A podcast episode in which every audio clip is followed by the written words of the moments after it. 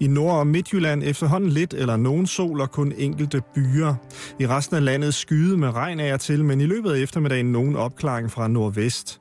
Temperatur mellem 4 og 7 grader og svag til frisk vind fra sydvest. På Bornholm dog op til hård vind. Nu er der igen halløj i betalingsringen, hvor Simon Jul og Karen Strohrup ser tilbage på 2012.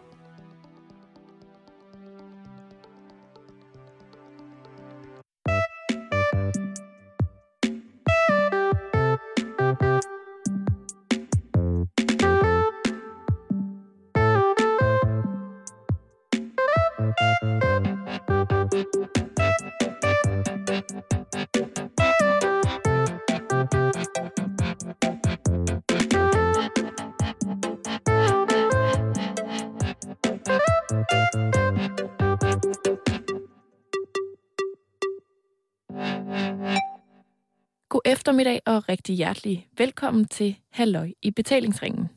Vi er jo øh, et sted i verden, som vi skal bestemme os for nu, Karen. Et, Det er eller andet, et eller andet sted skal vi to på ferie nu her Ja. tirsdag. Og jeg tænker, har du nogensinde været i Grækenland? Nå, men jeg sad faktisk lige og tænkte over, at hvis jeg skulle sende Karendag et sted fra i verden, ikke? Ja. så måtte det godt være fra Grækenland. Og måske tænker man, mm, altså er det ikke lidt, er det ikke lidt tavligt at tage ned til et land i en dyb, dyb, dyb økonomisk krise, og så lukrere på det, fordi altså, så kan man få en billig ferie, ikke? Mm. Men jeg tror, man hjælper ved at gøre det. Og hvis man opfører sig ordentligt, så er der jo ikke nogen problemer, tror jeg. Og så har jeg noget med, med græske kvinder. Altså, jeg har aldrig været i Grækenland før, så jeg er mega klar på at tage derned. Øhm, jeg synes, vi skal tage på et af mine yndlingssteder i Grækenland. Det er lidt et hemmeligt sted. Og jeg kommer dernede sammen med overlovskoptegnen fra Piraeus, øh, Jorkos Artiskokoulos. Og vi har været der rigtig mange gange, og vi elsker at sidde nede på det her græske marked hos nogle af vores venner, og så får vi på deres taverner, så får vi et helt rent vand, og stegte calamares, og stifado, og moussaka, og jamen, det er så lækkert, og de der græske salater med, med det. Altså, jeg Jamen næsten- altså, jeg- stop, stop, jeg stop, kan stop. næsten ikke Skal vi ikke bare tage afsted? skal jeg ikke bare lige knipse, og så er vi på græsk marked nede hos min gode ven Stavros. Han har sikkert ikke tid at snakke, til at snakke med os, men man kan høre ham i baggrunden, det vil jeg godt ved med. Så hvis jeg nu, øh, jeg laver lige rejseknipset, Okay, og så skrider vi to fucking til Grækenland. vi gør det.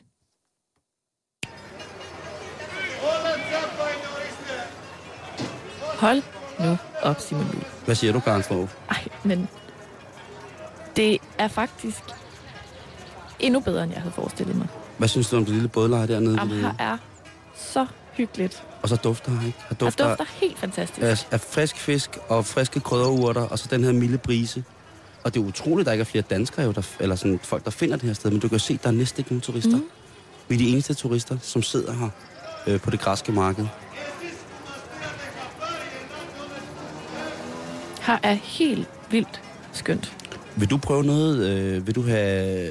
Hvad vil du have at drikke? Vil du have, have uso? Vil du have raki? Vil du have noget... Jeg skal bare have noget limonade af en eller anden slags. De laver en fantastisk limonade her med hjemmedyrkede citroner. Altså, nu må jeg jo være helt ærlig indrømme, at jeg måske fik lige en gin og tonic for meget i går, Du gik da i split ved middagsbuffeten og balancerede med tallerkener på hovedet. da vi var i Afrika. Ja.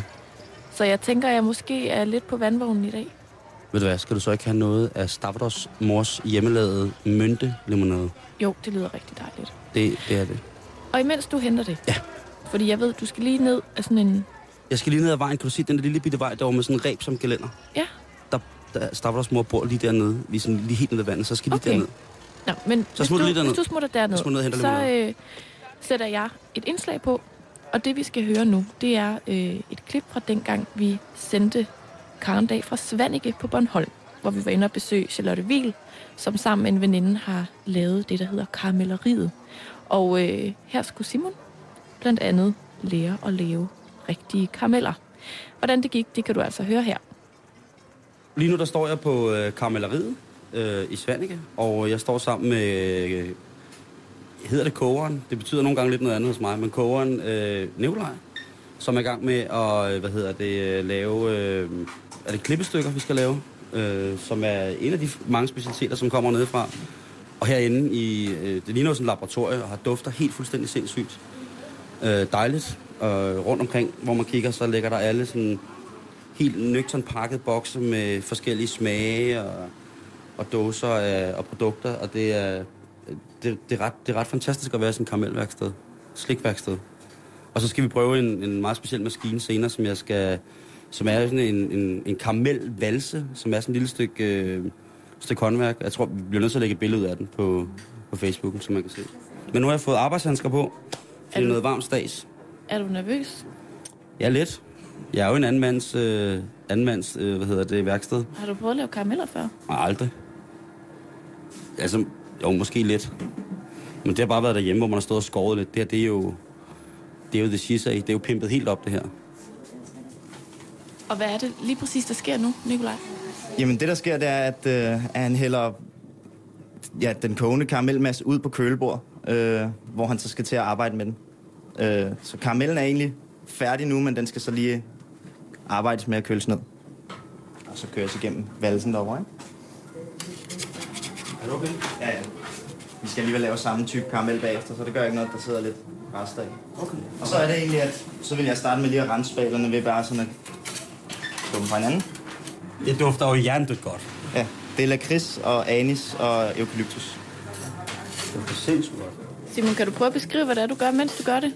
Jamen det man gør lige nu, det er, at man står med to øh, ganske almindelige øh, gastrospatler, hvis man skal bruge en fagterm. Og øh, så står jeg og arbejder med det her karamel, som jo altså ligger på den kølede plade. Og det skal jeg så rykke rundt på, hvad hedder det, på den her afkølede bordplade, så det får en jævn afkøling. Jeg går ud fra, at der er nogle ting i karamellen, der gør, at hvis man noget bliver kølet mere end noget andet, end at der er en temperaturforskel, så sætter der sig sådan nogle klumper, eller der kommer nogle uregelmæssigheder i massen. Og det er jo aldrig rart, når man skal. Det er faktisk lige præcis det. Det, det er derfor, den står eller den der for, at den skal køles så jævnt ned som muligt. Der bliver cirka 10 kilo færdig karamel. 10 kilo karamel med lakridssmag. En del af jobbet er jo også, at man skal stå og, og svare på spørgsmål fra kunderne og stå og fortælle lidt, så det må du egentlig gerne, hvis du... Øh... Spørg frem, hvis der er nogen former for spørgsmål omkring øh, arbejdsprocessen, som jeg lige præcis har været i i øh, tre minutter. er der nogen, der har lyst til at prøve at smage? Lige præcis, så lige lad den kø- køle lidt mere ned, og så bare hugge den ud i nogle stykker. Hvordan smager det? Øh, det smager af lakrids.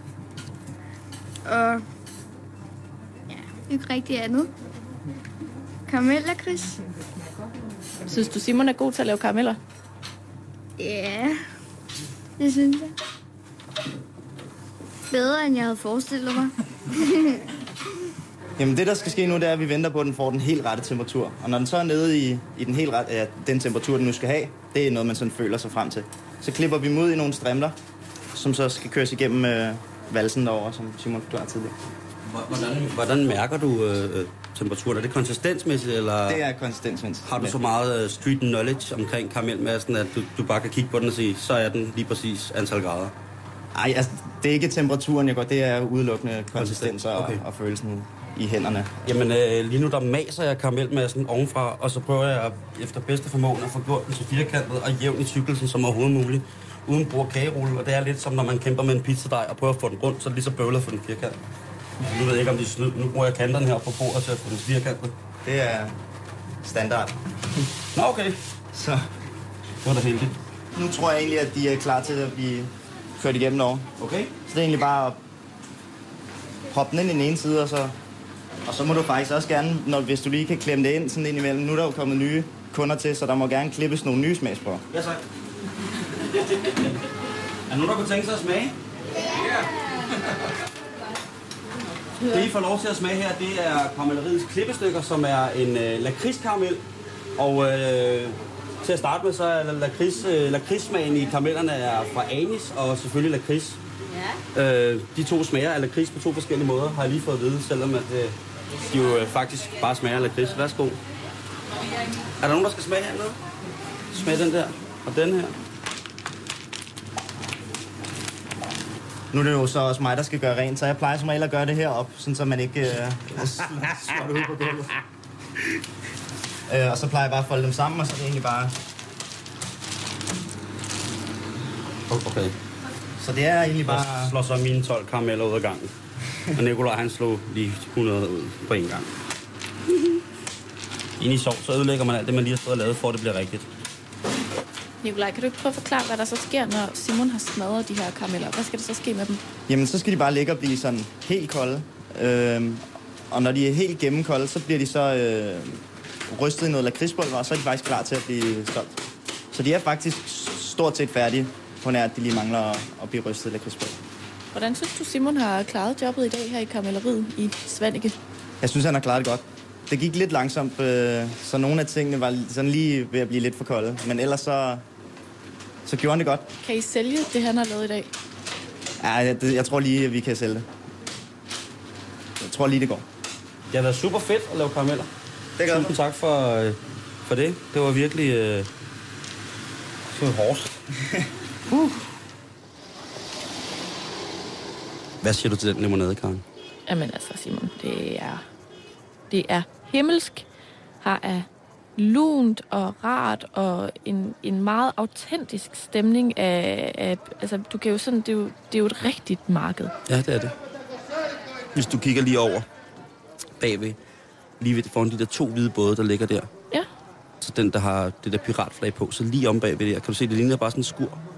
der var der går sådan en dame forbi nu. Lige præcis. Okay, Det er en restaurant. bare. Ja, det er Stavros, der har inviteret os derover. Stavros Kalinikis Kantefado har inviteret os derover. Hvem var det nu, det var? Jamen Stavros, det er min gode ven, øh, Jorgos Artiskokoulos' bedste ven. Og Jorgos Artiskokoulos, han er havnefod kaptajn fra Piraeus, Mm. men har haft øh, tilknytning her til, til stedet i rigtig, rigtig mange år. Og de glæder sig. Jeg ved, der er i hvert fald en af tjenerne derovre, øh, Kalinikis, som har et godt øje til dig. Oh, Ja, jamen altså. han spiller, han spiller Buzuki, og han har et godt øje til... øh, Han har haft både dansk, svensk og norsk kone på næsten samme tid. Øhm, Nå, men til, altså. tilbage til radioprogrammet. Ja, bevares. Folk skal jo ikke sidde her og høre på, at vi vælter os i, i dejlig græsk, som man siger. Men på Bornholm, Karen, Ja. på vores sommertur, Mm. Halløj Betalingsringen, som du altså lytter til. Du lytter for øvrigt til Radio 24 Radio lige nu. Halløj Betalingsringen. Too bad, hvis du lige har startet på arbejde. Der møder vi også Søren Sillehoved, Ja. en historiefortæller. Og jeg vil ikke sige mere, fordi han var en rig- og er en rigtig historiefortæller. Så øh, lad os få et lykkeligt, lykkeligt genhør med Søren Silhoved. Og øh, Bornholm er i høj grad en ø med utrolig meget historie. Og jeg tænker, at vi skal øh, mærke det historiske vingesus her på Bornholm øh, med stor hjælp fra dagens gæst. Og så øh, høre nogle gode, spændende, interessante beretninger om livet her på Bornholm. Hvad siger du til det, Simon? Jamen, det vil jeg, det vil jeg rigtig gerne. Det er, der er jo meget. Mm. Der er jo utrolig meget. Det er helt vildt, så meget der er. Og vi når slet ikke det hele i dag, men vi når rigtig meget. Så meget kan jeg love, Okay, så, så lukker jeg. og jeg kan love, at det ikke bliver kedeligt. Fedt. Og med disse ord vil jeg rigtig gerne byde velkommen til dagens gæst, som er dig, Søren Sillehoved. Mange tak. Og udover at være født og opvokset her på Bornholm, så er du øh, forfatter og uddannet naturvejleder i Skov- og Naturstyrelsen, og arbejder altså til daglig som lokalguide her på øen. Det må man sige. Du har faktisk lige været en tur på Christiansø i dag, Jeg kommer lige derfra. og nu er vi så heldige, at du sidder her i vores studie, som jo altså er min ferielejlighed her øh, i Sandvig på Bornholm, og vil øh, fortælle en masse om Bornholms historie. Og som øh, Simon nævnte lidt tidligere øh, i begyndelsen af udsendelsen, så sidder vi meget tæt på Hammershus, som vi var oppe og besøge tidligere i dag. Og det er altså den her gamle borgruin.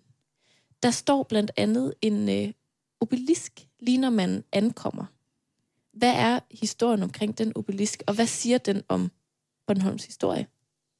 Denne obelisk er, er rejst i 1902, og på den står der, at frifødt æt har fædre sprog end Bornholm af Danmarks ø. Citat slut.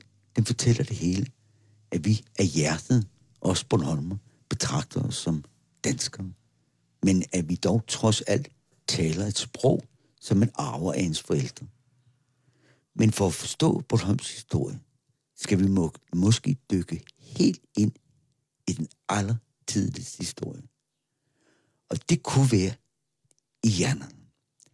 Jernalderen strakte sig i en periode fra 400 år før Kristi fødsel til 800 år efter.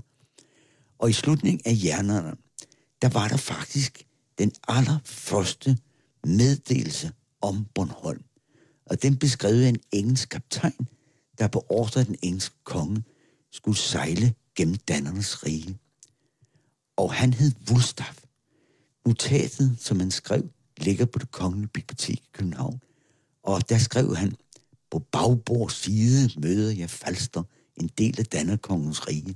Han sejlede ind gennem Østersøen, gør nu i sine notater, at mod styrbord ligger Venterladen. Men foran ham rejser sig Holmus Burgund med egen konge. Det synes jeg er en fed historie.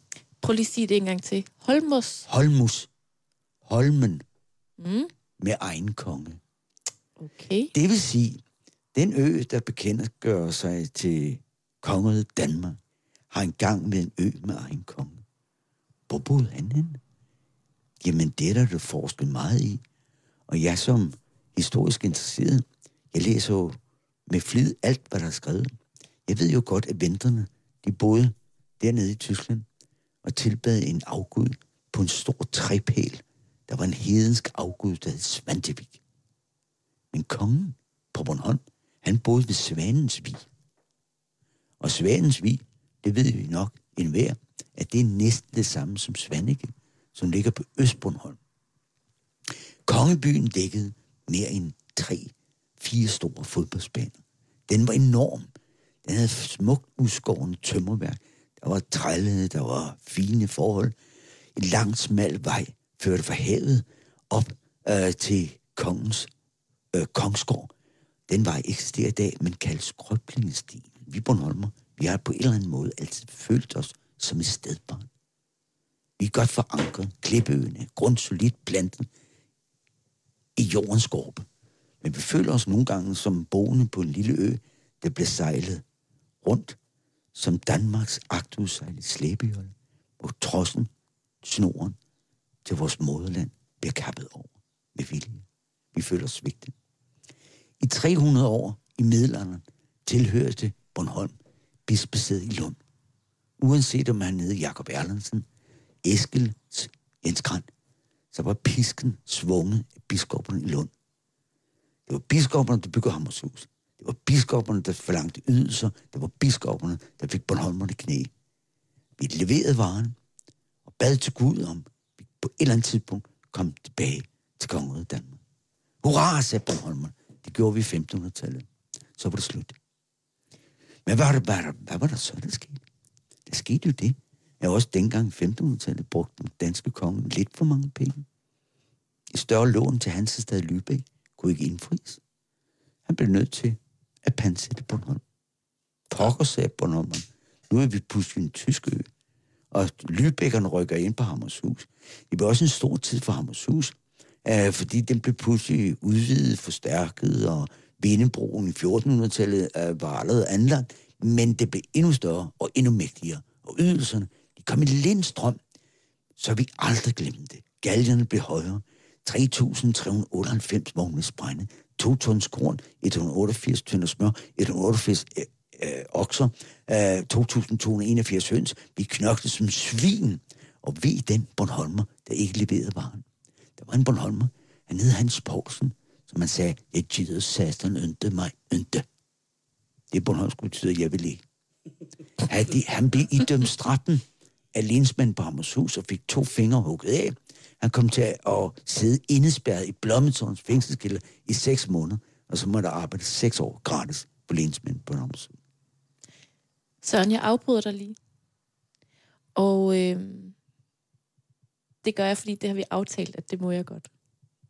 Øhm, hvis vi skal vende tilbage til Hammershus, som jo er lige her i nærheden. Du springer nemlig fra, øh, fra stenalderen, eller slutter fra jernalderen, og så frem til 1500-tallet. Men Hammershus, hvornår bliver det bygget? Det ved man 100%. Og det ved man 100% ikke. Forstået på den måde, at alt litteratur om Hammershus har benævnt ærkebiskop Jakob Erlandsen Lund Domkirke 1259. Nu ser det ud til, med Nationalmuseets hjælp og en større pengegave fra Real Danias fond, uh, øh, hvor man har kunne vedligeholde Hammershus, der har man med ny teknik analyseret den gamle cementsten, og faktisk fundet ud af, at den er 100 år ældre. Så vi skal have fat i Eskild, måske absolut. Men mm, i dag har man teorier om, at Hammershus er bygget efter 1149, op til måske 20 år efter. Det er jo en spændende tanke, at nu accepterer man hele den historie om korstogene, de baltiske korstog, rundkirkerne, pakhuset, hvad de blev bygget som. Øh, for de fire rundkirker er jo ikke bare bygget som kirker. Uh, så kirkeligt har de flere funktioner. Pakhuset øh, ophold i ufredstider og kirker. Men det er pakhusen, der er interessant. For i dag ved man, at Hammershus blev bygget som korsfarborg i forbindelse til varer, der skulle udskibes til de baltiske korstog, som udgik med Valdemar Sejr, med, med tyske lejesoldater, dels af den tyske sværridderorden, og dels af Johannesridderne. Og de franske tempelridder ved jo alle, drenge og piger, at de har hvide flag med røde kors, men Johannesridderne, de her røde flag med hvide kors. Det er da en fed historie, uh, fordi de afgjorde afgjort uh, flåde af tyske lejesoldater med disse ombord, og så første stop, Holm, Bornholm. Fødevare, direkte stik nord. Man frygtede venterne. Man rejste direkte Øland, også runde bygninger, ikke kirker, men bare runde bygninger. Direkte Gotland, runde bygninger, ikke kirker, kun Bornholm blev det kirker. Derefter Estland, og så var det slaget mange gange bølget frem og tilbage mellem barbarerne, hedningen og de kristne korsfarer. Hvem vandt? Valdemar Sejr. Han stod der og bad til Gud, om at man ville vinde krigen mod hedningerne. Og pludselig var der en Johannes ridder, der smed sit flag over den slagende her, og flaget blaffer ned. Rødt med et hvidt kors, og Valdemar sejr udbryder. Hermed modtager dannernes bro. Det er en fed historie. Hvordan er den så linket til Bornholm? Den er jo linket til Bornholm på den måde, at man ved, at korstogsflåden sejlede Lübeck-Bornholm. Derfra Øland, Gotland, Estland. Men vi har altså nu en teori om, at Hammershus er 100 år yngre. Vi har en historie om, at vi er i middelalderen underlagt bispes, bispesædet i Lund. Vi er i, nu kommet til 1500-tallet, hvor vi har været en kastebold afsat til Lübeck 50 år. Mm. Vi er nu i 1600-tallet. Vi kommer tilbage. Vores bank, hjertebank for Danmark. Trofast del af kongeriget Danmark. Og hvad var det så, der skete? Den 9. juni 1645 var den svenske admiral Wrangel på vej hjem fra Tyskland til Sverige efter et vellykket tysk søslag, som man vandt. Sejlede han hjem? Nej. Han sejlede mod Dueøjet, gik land ved Næksø. Masser af danske bornholmske soldater mistede livet. Fik at vide, at kun ved indtagelse af Hammershus ville Bornholm blive en svensk ø, så den 10. juni 1645 ligger Vrangens flåde her under Hammershus. Vindebroen var parkeret. Vrangen sendte sine stormtropper i land, byggede rikkede små skanser til hele vejen rundt, og øh, kastede en stor kreds af kanonkugler fra fældkanonerne op på Hammershus. En af kanonerne, meget uheldigt, ramte en mur, der brændte sammen. Bag den mur sad den på eneste, der kunne betjene kanonen på Hammershus. Han sad skidt med bukserne ned med røven og blev ramt bagfra og døde. Og på grund af denne tragiske hændelse blev Bornholm en svensk ø.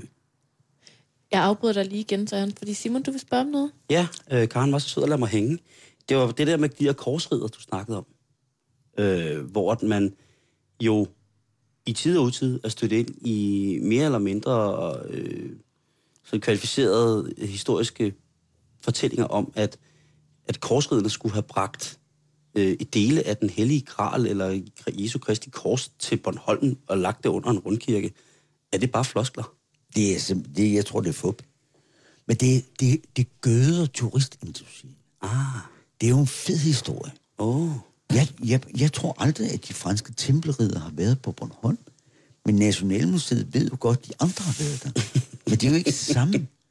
Uh, den franske orden af tempelridderne blev stiftet i 1818 af ni burgundske adelsfolk. De danner sejrsorden, bedre kendt som tempelridderne i Jerusalem, af deres øverste mester, både i Frankrig og var stifter af Cistercienserorden. Han hed Bernhard af Clairvaux. Der er mange ting, der ikke matcher. Der er mange ting, der ingen mm. tror på. Og det er en fed historie. Men der er mange underlige ting. Burgunderne havde i middelalderen en hovedstad, der hed Genève. I dag ligger Genève i Frankrig.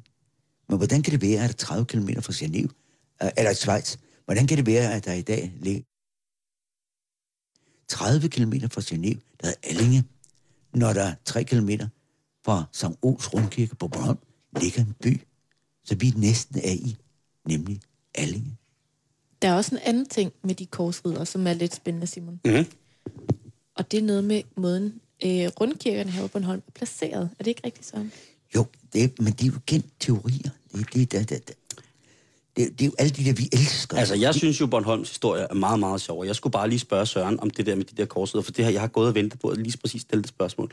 Så altså, jeg er med på, og jeg kan sagtens forstå, at turistkontoren er glad for det, men jeg synes, historierne om øh, ham, der sidder og skider, der bliver slået ihjel, øh, det, det er i virkeligheden meget mere interessant.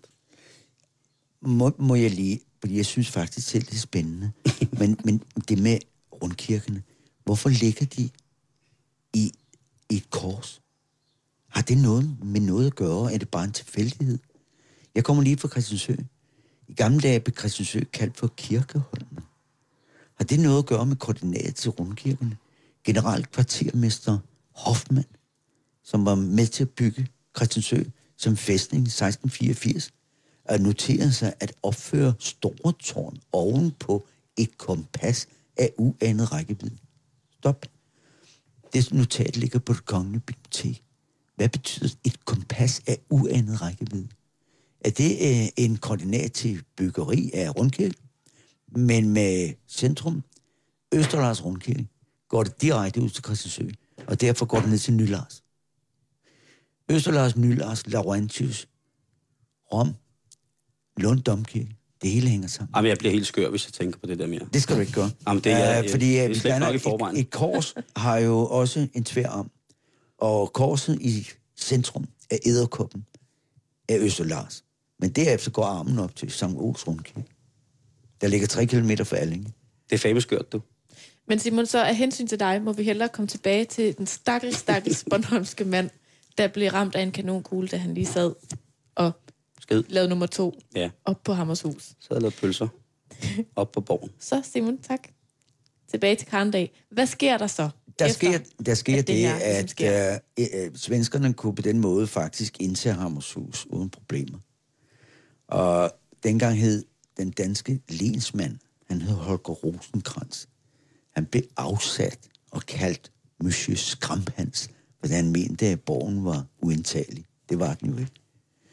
Men øh, bagefter kommer vi hjem til Danmark. Hurra, siger Bornholmerne. Endelig danske. Men hvad var der så, der skete?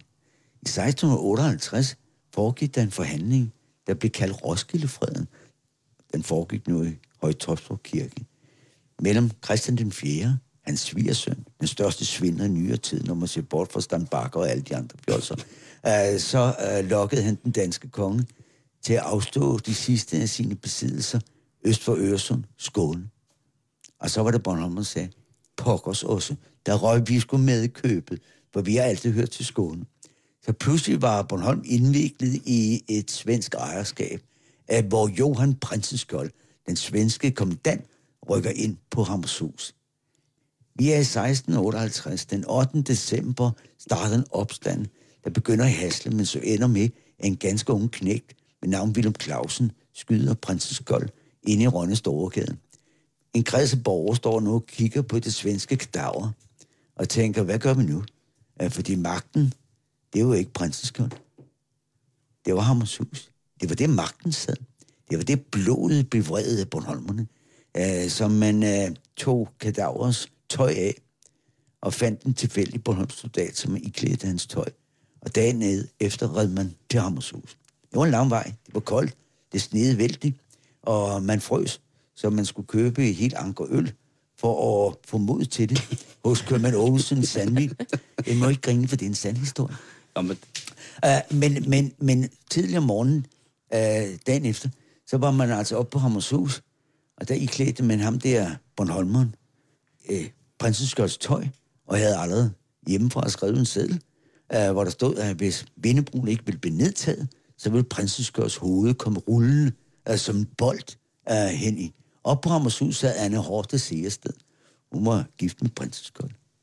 Og da hun ser på afstand sin mand, Bob Bob, det var jo ikke hendes mand, det var en Bornholmer, så giver hun ordre på, at Vindebroen skulle nedtages. Og det gjorde den så, og Bornholmerne, frihedskæmperne, kunne rykke ind uden et eneste sværslag. På den måde kom Bornholm hjem. Og den 29. december 1658 kunne vi i København overbringe hans kongelige højhed vores gavebrev om et retmæssigt overdragelse af Bornholm af fri vilje til den danske konge. Så Bornholmerne ville rigtig gerne selv tilhøre Danmark. Frifødt et har federe sprog end Bornholm af Danmarks ø. Det er der, vores hjerte banker. På den anden side har vi været godt behandlet. Måske, måske ikke. Øh, men øh, Hammershus var jo aldrig dengang i forfald. Christian Fjerde måtte endda skrive et lille brev, at lokummerne skulle udbredes, fordi uh, nu skulle hans svigersøn i fængsel på Hammershus. Vi er 1661. Og da han var godt gift og elskede sin kone, uh, så fulgte Leonora og Christine med. Så de kommer i spillet op på Hammershus, der var ikke i blommetårnet, hvor alle de andre Bornholmer sad i fugtige kælder, hvor rotter og mus grøb rundt. Nej, oppe i manteltårnet, der sad de 11 måneder uh, og fik virkelig godt servering. Der var både godt øl og sletøl og skidtøl og hvad ved jeg. De fik hvidvin, og de fik hele badullen, men han frøs, og natten mellem den 13. og 14. marts flygtede de. Men det var en kort flugt, fordi de blev opdaget og sendt tilbage igen. Korsvild Ulfeldt forsvinder ud af verdenshistorien, for den dør en bød på ringen.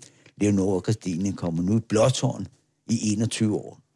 Det skulle alle børn høre. Bare fordi man ikke hører efter, hvad der blev sagt, så kommer man i fængsel i blåtårn i 21 år. Værsgo at tage den. Men der sad hun jo og skrev måske den mest berømte bog, der nogensinde er skrevet i Danmark, nemlig Mit jammerlige minde. Og så ligger hun til gengæld begravet i Majbo Kloster. Det er jo en lang historie om Bornholm, der bevæger virkelig ind i finansielle problemer, at se med danske øjne. Mm. Men uh, hele festen om Hammershus og Bornholm i middelalderen stopper jo på et tidspunkt, og vi er for længst hoppet op ind i nyere tid, da Hammershus mister sin troværdighed, da Christian den 5. i 1684 mellem to skær laver verdens første flådebase, Christiansø. Den bornholmske viseamtmand og kommandanten altså, og, øh, og øh, militæret havde stadigvæk base på Hammershus, trods et totalt forfald. Og det sluttede i 1743. Der ligger det hen som ingenting. Men øh, holdt Bornholmeren op med at køre op? Nej, bare ikke nu med ydelser. Nu kører vi op med tomme vogne. Stjal bare alt, bare. der var. Rev dørvinduerne. Vi ballede lortet. Fjernede sten. Alene fra mandelsåndet fjernede vi på et år mellem 1743 og 1744 80.000 sten. Der er mange hus i Rønne, der kaldes Lillehammershus, for de byggede sten, der er stjålet fra Hammershus. I 1789 sejler man en skibsladning af mursten til Christiansø for det at opføre en kaserne. Og sådan ender Hammershus som en ruin, skabt af Bornholmerne selv. Af lyst til at rive magtens centrum ned. Hvad har Hammershus ellers sådan været brugt til? Altså, kan du sådan prøve at forklare, sådan, hvad den oprindelige tanke var med borgen, og hvad den så ellers har været brugt til, sådan frem til den blev en ruin? Der er ingen tvivl om beliggenheden. Den er jo enestående. Også i dag. Den ligger jo der, 74 meter over havets overflade, som en ørnerid i en tegneserie. Så skulle den jo ses fra havet. Det er jo en dramatisk kulisse. Uh, men, men den skulle ses, når man kom sejlende. Det var bispens Borg. Lund. Eskil, ham vi snakker om, der måske har bygget den, han var jo særdeles god vind med Bernhard af Clairvaux, altså tempelriddernes storlogemester. Han endte selv som en from munk i Burgund. Og døde der.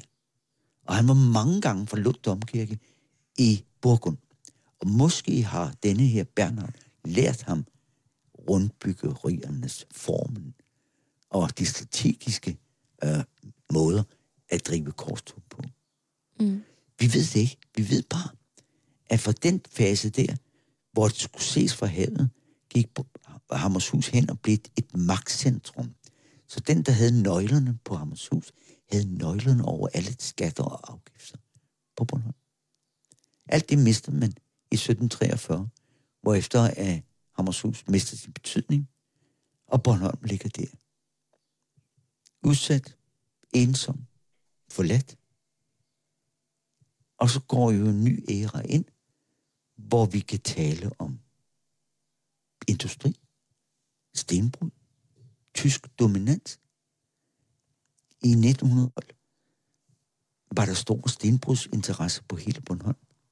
Startede faktisk ved den engelske bombardement af København i 1807, hvor englænderne smadrede hele København med brandbomber, og hvor tre kroner fortet ude i Øresund blev ødelagt.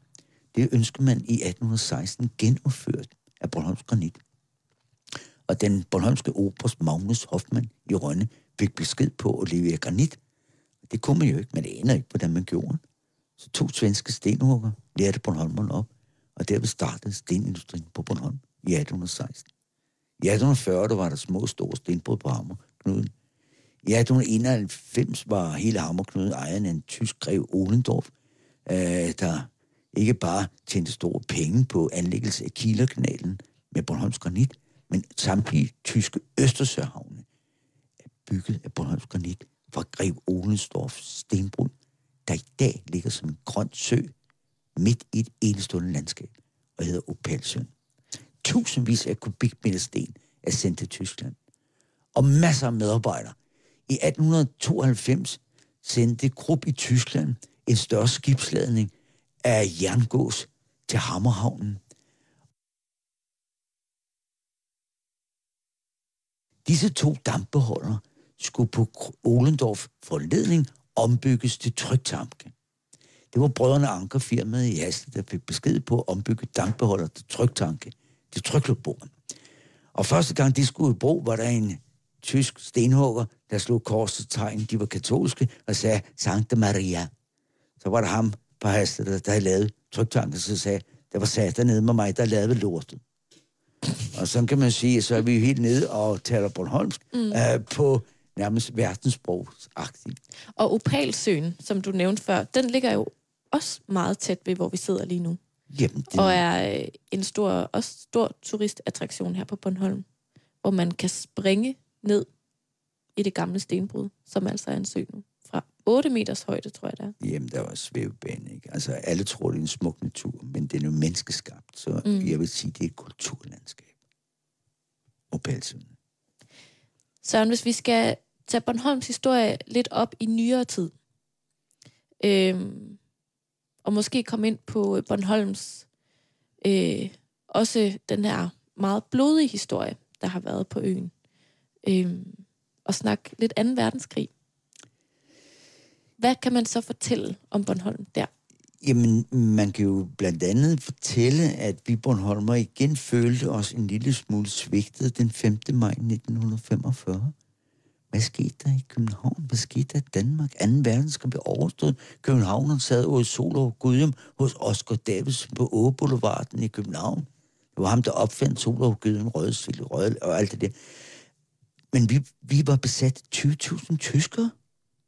Det passer der var 230.000 tyske flygtninge, der på syd i Tyskland ville flygte over Bornholm.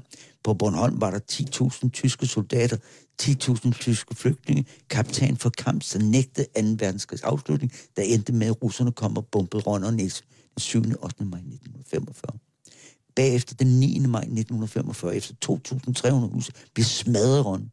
Så kom en invasiv styrke af 7.000 russere og besatte Bornholm i 11 måneder. Hvad skete der i København? Ingenting. Ingen noget. Lammende tavshed. Bornholmeren følte, at kniven kom op i lommen, og snoren til kongeriget Danmark, den var kappet af med blodet svirp. Vi Hvordan, var helt alene. hvordan var det at bo på Bornholm i de 11 måneder? Ja, så gammel er jeg jo heller ikke. jo, det er jeg, men jeg var jo kun et år gammel. Uh, men, men det var her 11 måneder, og det var jo en underlig tid uh, med masser af russiske soldater. Heroppe lige bag os, der ligger der noget, der hedder Ostanovka. Det betyder det sidste stoppested. Uh, øh, men uh, der er også noget, der hedder Russersletten, ligger oppe i Slottslykken. Og der stod russernes heste, og der var russere i Rønne, der var russere i Svanninge, der var russere alle vejen. Og øh, selvfølgelig var der også nogen, der døde, disse russere. Der lærer jeg blandt andet på Allingen Kirkegård et russisk gravsted med 38 navne. Der er bare den der problem, at den russiske ambassade i København, de meddeler, at der var 39 døde. Men han ligger oppe på Hammerknud. Han ligger helt oppe ved fyret, øh, hvor der står en russisk gravsten over Eran Stof, som døde deroppe. Det er en lang historie, som jeg ikke skal trætte jer med. Det er noget om at, at ligge der og gøre, at piger kan vide, og så bliver han skudt på stedet. Så det skal vi ikke tale om. Det lyder ellers meget spændende. Det er meget spændende, og, men og hvis jeg må fortælle en lille historie, for der er mange historier. Jeg kunne sidde her Det i du meget 47 år og fortælle historier. Uh, men i Rønne var der jo en russer. Altså, altså der, der opstod under besættelsen med russerne, der opstod der sådan en lille modstandsbevægelse. Uh, vi skulle drikke dem fulde, de skide russere. Så det gjorde vi bedst med saltsyre. Så blev vi, det er bare med vodkaflasker, fordi når man dør, man kan jo dø af det, drikke saltsyre jo. Det opdagede de sgu ikke, det var, men det var også nogen fra Sibirien og sådan noget. Nå, men uh, på Rønne Torv står der uh, i russetiden en, en Bornholmer og svinger med sin lommeur. Det var et lommeur, han havde arvet af sin far, Det altså, kunne gå, det var gammel lort, altså, men altså, man er glad for det, man får, det skal man jo være, ikke? Der stod der og svingede det i en kæde deroppe, der russerne, han går hen til Bornholmer, og, og glor på det, og lommer. han har aldrig set en lommeur før. Han har aldrig set sådan en fyr. Uh, så han gør sådan her, et V-tegn, det betyder to flasker rigtig vodka. For et lommeur, der aldrig kunne gå, Bornholmer kunne skynde til dyser. Han solgte selvfølgelig lommeuret til russeren for to flasker rigtig vodka. Men russeren kunne sgu heller ikke få lortet til at gå, så han gik ind til en ur med på Rønne Torv og knaldede det glasdisken og sagde, gebrokken kaput. Urmageren, han blev nødt til at åbne uh, for at se, hvad der var i vej med uret. Og da han åbnede det, så opdagede både urmageren og russeren, at der lå fire døde lopper nede i urværket. Og tænk, så siger russeren, ah, das ist tot. Og så skete der ikke noget. Og så gik han. Så dumme var de.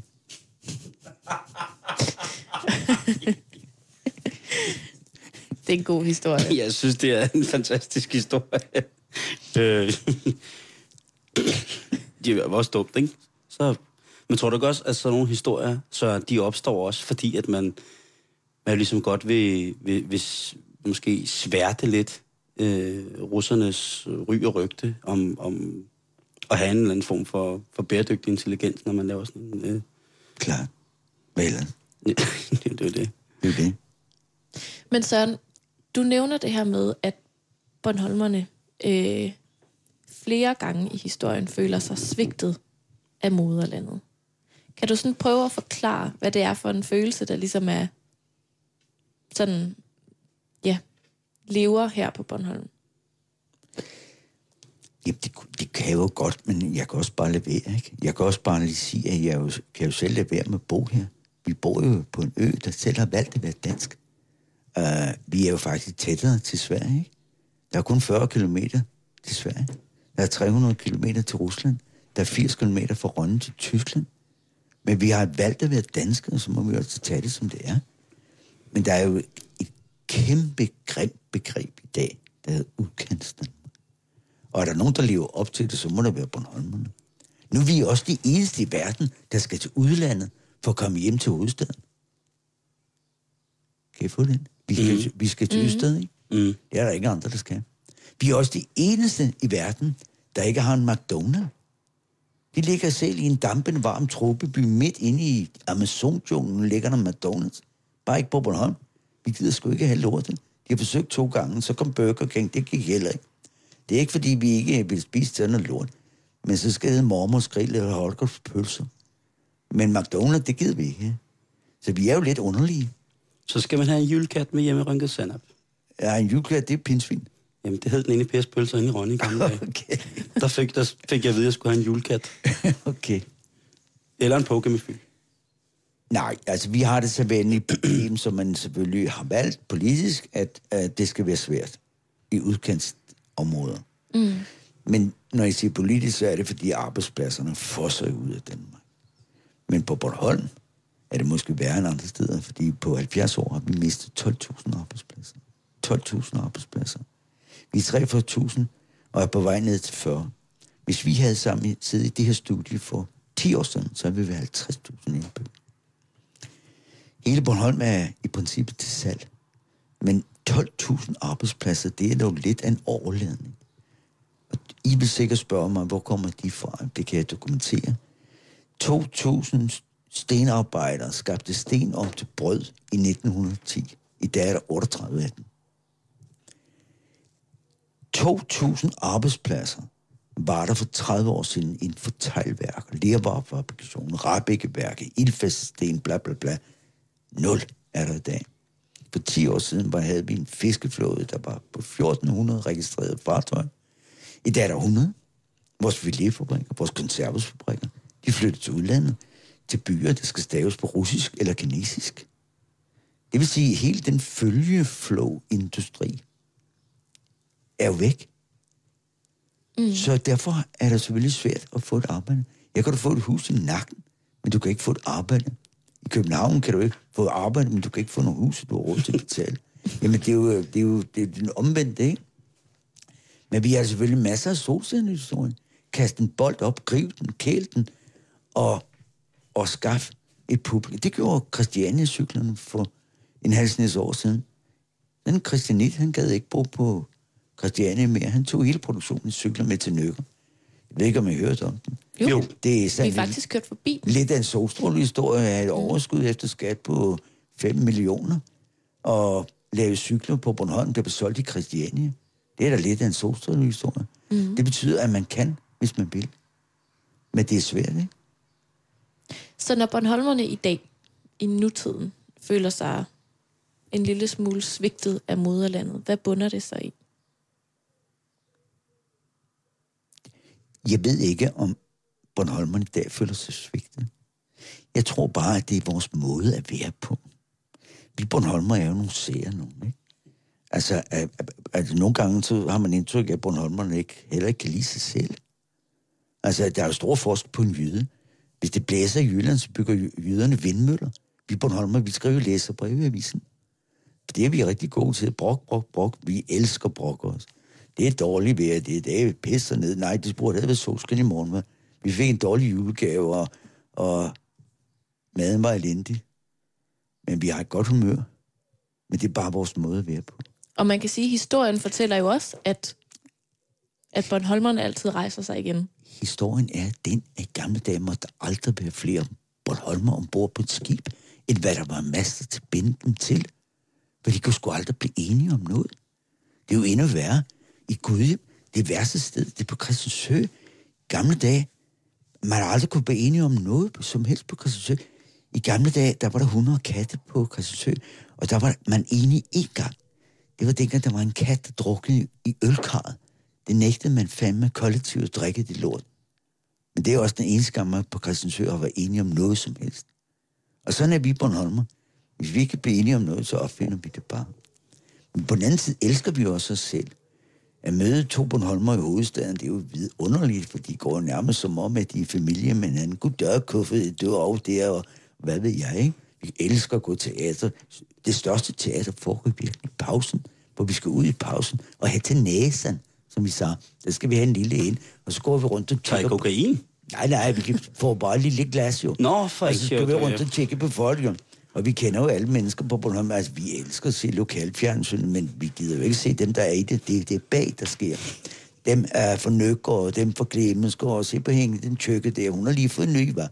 Og så hænger det, hun burde jo komme i vægtvogterne, var. Og så hænger hun burde have fået nyt tøj for sit op for længe siden. Altså, sådan foregår det, altså sådan er vi på Bornholm. det er måske lidt langt ud, men groft sagt. Altså, jeg bor med en, så jeg, jeg ved, øh, jeg kender til det. Ja, det og det, man kan jo ikke... Øh, det, det, jeg har faktisk aldrig tænkt over det, før du siger det nu. Fordi de er jo også... Øh, øh, de er vokset op her i, i Alling, men det er jo ret sjovt, det det, du siger der. Vi snakker tit om... Jeg får jo altid, når jeg møder deres forældre, eller deres, typisk deres mødre, der får jeg jo altid skæld ud over, hvad vi går og laver over i København. Og om vi får noget for hånden, eller om vi bare driver. Og, og det har jeg jo gjort nu i snart 13 år, ikke? Og det er, som du siger, nu, jeg, vi, det sjove er, at Karen og jeg, vi snakkede faktisk om det så sent som i dag. Mm. Med hvad det er for en måde at titulere mennesker på. Og det er bare den der utilfreds glade måde at, altså, at sige, at jamen, du er i hvert fald velkommen. Men man skal bare selv udefra kommende fatte, at det betyder, jamen du er i hvert fald velkommen. For ellers så tænker man, gud, jeg, jeg, jeg gør alt forkert. Det er jo helt mærkeligt. Du er faktisk halvt god, jo. altså, du er aldrig helt god. jo. Nej, lige præcis. Nej, du er halvt god. Det er halvt godt vejr, hvad? Ja, hvad? Og det er halvt tyndt kappe. ja det er også Den er aldrig rigtig god. Nej. Altså, sådan er vi. Det var også lidt en halvtynd kop kaffe, jeg fik serveret for dig, tror jeg. Jo. Jeg synes, det var skide godt. Jamen, jeg synes, det var halvt god. Altså, det, jeg har jo kaffemaskine her i min ferielejlighed, og med kaffefilter og det hele, og jeg skal simpelthen lige vende mig til at dosere rigtigt. Men jeg vil bare også lige sige noget til, altså, i forhold til det Karen dag, at jeg har fået mere at vide på en interessant måde om Bornholm på den sidste 50 minutter, end jeg har fået på 13 år. Så det, det skal du have tak for, Karen, men også ikke mindst Søren. Det har været, det har, været helt, det har faktisk været sindssygt fedt. Oh, det Jeg er da for, glad for at være her. Jeg synes, det er... Det, jeg vil da altid tænke på ham der. Jeg vil da altid tænke på, hvor jeg sætter mig ned og skider, hvis jeg er i krig. Ja, pas, så Hvis jeg den lige en- se dig over skulderen, eller have, have, have sådan et Hvis jeg er den øh, eneste, der kan styre på. kanonerne. Ja. enten var det krigstaktisk virkelig smart, eller så var, var det bare held. ja. Det er ikke til at vide.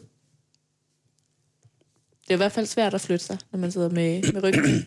Søren, hvad vil du sige? Jamen, jeg vil bare sige, at op på Hammershus er der fundet mere end 42 gamle lægeplanter. Lige fra Annes til Bullemurten og alt muligt. Men det er jo sjovt, at der er en plante på Hammershus, der hedder kalmus. Og hvis man staver det med K, så står der om kalmus, at den kom fra Baltikum i 1200-tallet og førte til Danmark af korsrydderne. Kalmus er den eneste plante, der kan rense vand. Så Der- der er hvad? Der kan rense vand. Så man, på Hammershus havde man biologisk renseanlæg. Længe før det blev moderne. Man havde endda fjernvarme på Hammershus. Fordi øh, man er ved at, at reparere nogle ovne med ildfaste sten, hvor varmen uh, af nogle øh, hulrum kunne ledes ind under gulvet i kongeværelset oven på kapellet. Det er slet ikke det, jeg vil fortælle. Der er en plante, der hedder røllike. Den vokser overalt i Danmark. Den vokser overalt i Europa. Den er hvid, men den har en fantastisk evne, som jeg vil fortælle om nu. Uh, uh, bliver i gammel tid omtalt som soldaterurten. Den var med i antikens Grækenland. Romerne anvendte den. Soldaterne under 1. verdenskrig anvendte den. Solda- soldaterne under 2. verdenskrig anvendte den. Og rølliken har den egenskab, at den er stoppende. Tænk sig at stå og have spist og drukket et eller andet, man ikke kan tåle, og så pludselig mærker du tyndskiden løbe ned af- lårene, øh, så man kunne anvende rølliken øh, på fastet hjerte og drikke røllike-te. Og på Bornholm kalder vi rølliken for røvsnap. Og Søren, det blev sidste historie her fra øh, Bornholm. Røvsnaps. Rødsnaps. Røv, Tusind røvsnærpe. Røvsnærpe. Den snapper røven sammen. kære Søren Sillerud, tusind tak, fordi at du øh, kom forbi Karndag her i Halløjbetalingsringen i dag og fortalte en masse historier. Simon, tak fordi... Ja, tak for god ro og orden. Jeg skal ud og have noget rølling. Vi er nødt til at, at prøve det der Røvsnærpe. røvsnærpe. Ja, men det var alt for Karndag i dag. Nå, Simon, Karen. det var altså øh, to klip fra Karndag fra øh, Bornholm. Vores øh, sommer. Vores 14 dages skøn sommer på Bornholm. Det må man sige. På vores sommertur. Det må man sige. Og så en sildehoved. Jamen altså, jeg kan kun anbefale, at man, man finder ham, hvis man på et tidspunkt er på Bornholm. Mm. Og, og beder ham om at, at, at lave en byvandring for en, eller, eller bare fem minutters historiefortælling. Jamen, jeg, jeg, jeg griner bare. Jeg har tænker- aldrig tænker- hørt dig være så stille en hel time. Nej, han var også sej. Det var ret fedt. Næsten lige så fedt som Grækenland. Men øh, skal vi ikke bare sige, at vi ses øh, et nyt sted i verden i morgen på vores ferie? Jo, det synes jeg. Og så rykker vi over og spiser nu. Og hvis du, kære lytter, har lyst til at følge med på, hvad der sker på vores ferie, så kan du ikke gøre det, før vi kommer hjem fra den. Til gengæld kan du skrive en kommentar, hvis du har lyst på vores Facebook-hjemmeside, facebook.com-betalingsringen. Og øh, ja, Karen hun er allerede stukket af, så øh, her er nyhederne.